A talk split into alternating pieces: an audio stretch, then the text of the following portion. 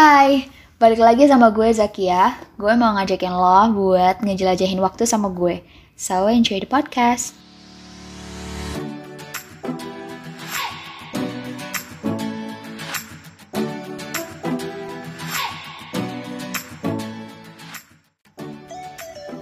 Udah lama banget gue nggak nge-podcast.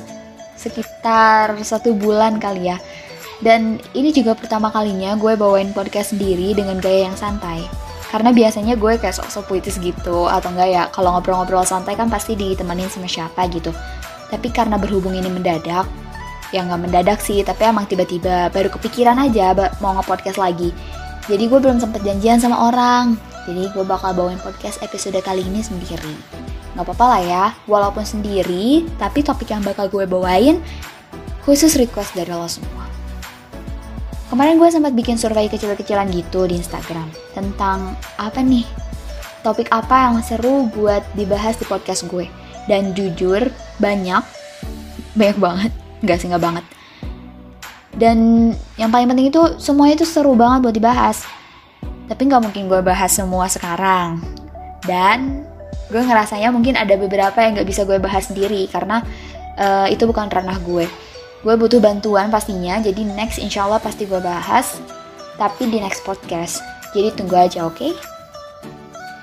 ada satu topik yang menarik perhatian gue yaitu tentang personal branding. Bakal gue bahas di podcast kali ini dan sifatnya kita sama-sama belajar karena gue pun masih perlu belajar tentang personal branding ini. Jadi lebih ke arah gue sharing pengalaman aja ya sama kalian. Oke, jadi kalau ngomongin tentang personal branding, gue tuh pernah ikutan webinarnya Bang Ogut. Beliau ini ngebahas tentang personal branding. Oh iya, Bang Ogut itu siapa sih? Gue belum kenalin. Bang Ogut itu content creator. Pokoknya kontennya itu tentang self development gitu. Kalau mau tahu lebih lanjut, lo bisa follow IG-nya. Namanya Mudah Cuma Sekali. Nah, akhir-akhir ini tuh gue emang sering banget denger yang namanya personal branding. Tapi gue juga belum paham banget apa sih personal branding itu. Dan thanks banget buat Bang Ogut karena gue jadi paham apa itu personal branding? Oke, gue bahas personal branding. Um, kalau lo nggak tahu personal branding, seenggaknya lo pasti pernah dengar tentang branding. Brand, ya brand emang ibarat sama toko sih, ibaratnya sama produk gitu ya. Tapi brand itu juga bisa dipakai buat personal, buat personal branding maksudnya. Contohnya tuh gini, gue pengen lo coba tebak ya, seseorang yang gue sebutin ciri-cirinya ini. Oke, dia laki-laki, youtuber, pengusaha juga. Konten YouTube-nya itu tentang prank, daily vlog, entertainment. Kita kenal beliau ini karena waktu itu booming uh, buku kesebelasan Hegen Halilintar. Orangnya kocak, periang, rambutnya tuh bisa aneh-aneh, bisa biru, pink, hijau. Ya, gitulah. Oke, kita tahu siapa ya? Ya, Atta Halilintar. Oke, yang kedua. Gue sebutin ciri-cirinya lagi, lo coba tebak ya. Mahasiswa kedokteran, perempuan, cantik, baik, suka puisi. Dah, dah itu. Coba tebak. Iya, ada yang bisa nebak, ada yang enggak. Dan kalaupun ada, pasti beda-beda. Karena itu teman gue. Jadi dari dua contoh yang tadi gue sebutin, kita bisa bedain mana yang punya personal branding yang kuat dan enggak. Jadi Kak Ata ini punya personal branding yang kuat. Dia dikenal sama masyarakat. Sedangkan yang tadi temen gue ini, ya sebut aja namanya Mawar lah ya. Mawar ini punya personal branding yang kurang kuat. Maksudnya apa? Cuman orang-orang terdekatnya mungkin yang kenal sama dia.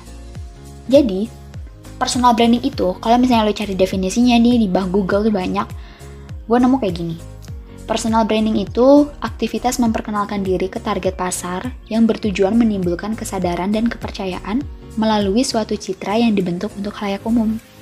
Nah loh, bingung kan? Tapi dari contoh yang gue sebutin tadi, seharusnya lo paham. Biar gue perjelas lagi. Jadi personal branding itu lo kenalin diri lo ke target pasar lo, biar mereka sadar dan percaya.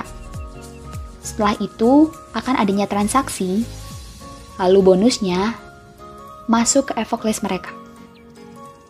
Oke, bingung ya? Gini-gini. Kita kenalin diri kita ke target pasar. ketika kita mau memulai untuk personal branding, kita harus tahu target pasar kita itu siapa. Gampangnya kalau misalnya dalam sebuah bisnis, gampangnya kalau bisnis itu kita tahu target pasar kita. Kita jual misalnya baju anak-anak. Kita jual baju anak-anak, gak mungkin dong target pasar kita itu teteh-teteh, remaja gitu ya. Gak mungkin kan? Ya mungkin sih, tapi kan target pasar yang paling jelas itu adalah ibu-ibu, karena ibu-ibu beli baju buat anaknya, gitu kan. Itu contoh gampang buat nentuin target pasar. E, nentuin target pasar buat kita, contohnya target pasar gue adalah guru-guru sekolah gue. Gue kenalin diri gue ke guru-guru sekolah gue. Nah, dari perkenalan ini, bikin mereka sadar dan percaya. Maksudnya tuh apa? Bikin mereka sadar. Nih, di sini tuh ada saya loh, Pak dengan cara apa? Kalau misalnya target pasar lo, guru-guru lo, misalnya kerjain tugas guru lo tepat waktu, abis itu misalnya kalau guru lo minta siapa yang berani maju ke depan, terus lo maju ke depan. Seenggaknya biar mereka sadar dan percaya kalau lo itu ada di sini, lo itu ada di kelas ini. Itu contoh kecil. Nah, terus tadi habis biar sadar dan percaya akan adanya transaksi. Jadi ketika kita disadari oleh banyak orang, mereka akan percaya sama kita. Percaya kan bisa banyak. Misalnya, lo dipercaya buat jadi ketua kelas sama guru lo. Itu contoh transaksinya. Kalau misalnya dalam pertemanan, transaksinya itu teman lo bisa follow lo, teman lo bisa temenan sama lo. Itu target pasar kalau ke teman yang baru dikenal. Bisa minta tolong sama lo. Setelah adanya transaksi, masuklah ke evok list mereka. Maksudnya apa evok list? Jadi, evok list itu Uh, dia itu sebuah list yang ada di otak kita. Gini, coba lu bayangin, lu pikirin merek handphone atau merek uh, pensil, merek pensil. Udah? Oke. Okay. Kalau misalnya brand yang gue sebutin, tadi lo juga sebutin, berarti brand ini udah masuk ke evac list lo. Oke, okay? Kalau misalnya lo tadi nyebutin iPhone, Samsung, atau misalnya merek pensil Faber-Castell, itu berarti brand-brandnya itu udah masuk ke evok list lo. Jadi, sebenarnya tujuan dari personal branding itu gimana caranya orang kenal kita. Gimana caranya ketika uh, misalnya di sekolah ini yang jago main gitar, yang jago main musik, oh si A. Misalnya yang pinter biologi, oh si B itu loh tujuan dari personal branding. Yang nantinya kalau jangka ke depannya, lo bisa pakai personal branding lo ini untuk menghasilkan sesuatu. Dengan cara apa? Dengan cara lo buat konten. Dengan cara lo buat produk. Iya, jadi ke bisnis. Tapi emang begitu. Inti dari personal branding itu yang gue tangkap dari webinarnya Bang Ogut itu gimana caranya kita bisa bermanfaat sama orang lain. Sebenarnya itu tujuan utamanya. Tapi dengan cara apa? dengan cara action. Actionnya apa? Dengan cara membuat konten. Konten apa? Konten yang lo sukai dan target pasar lo sukai. Contohnya, gue suka nulis, gue suka puisi.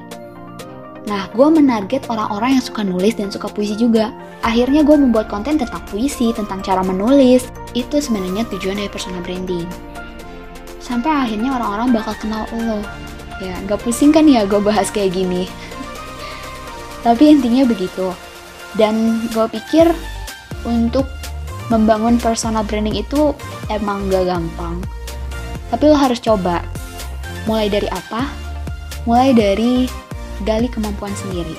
Mulai dari mencintai diri sendiri.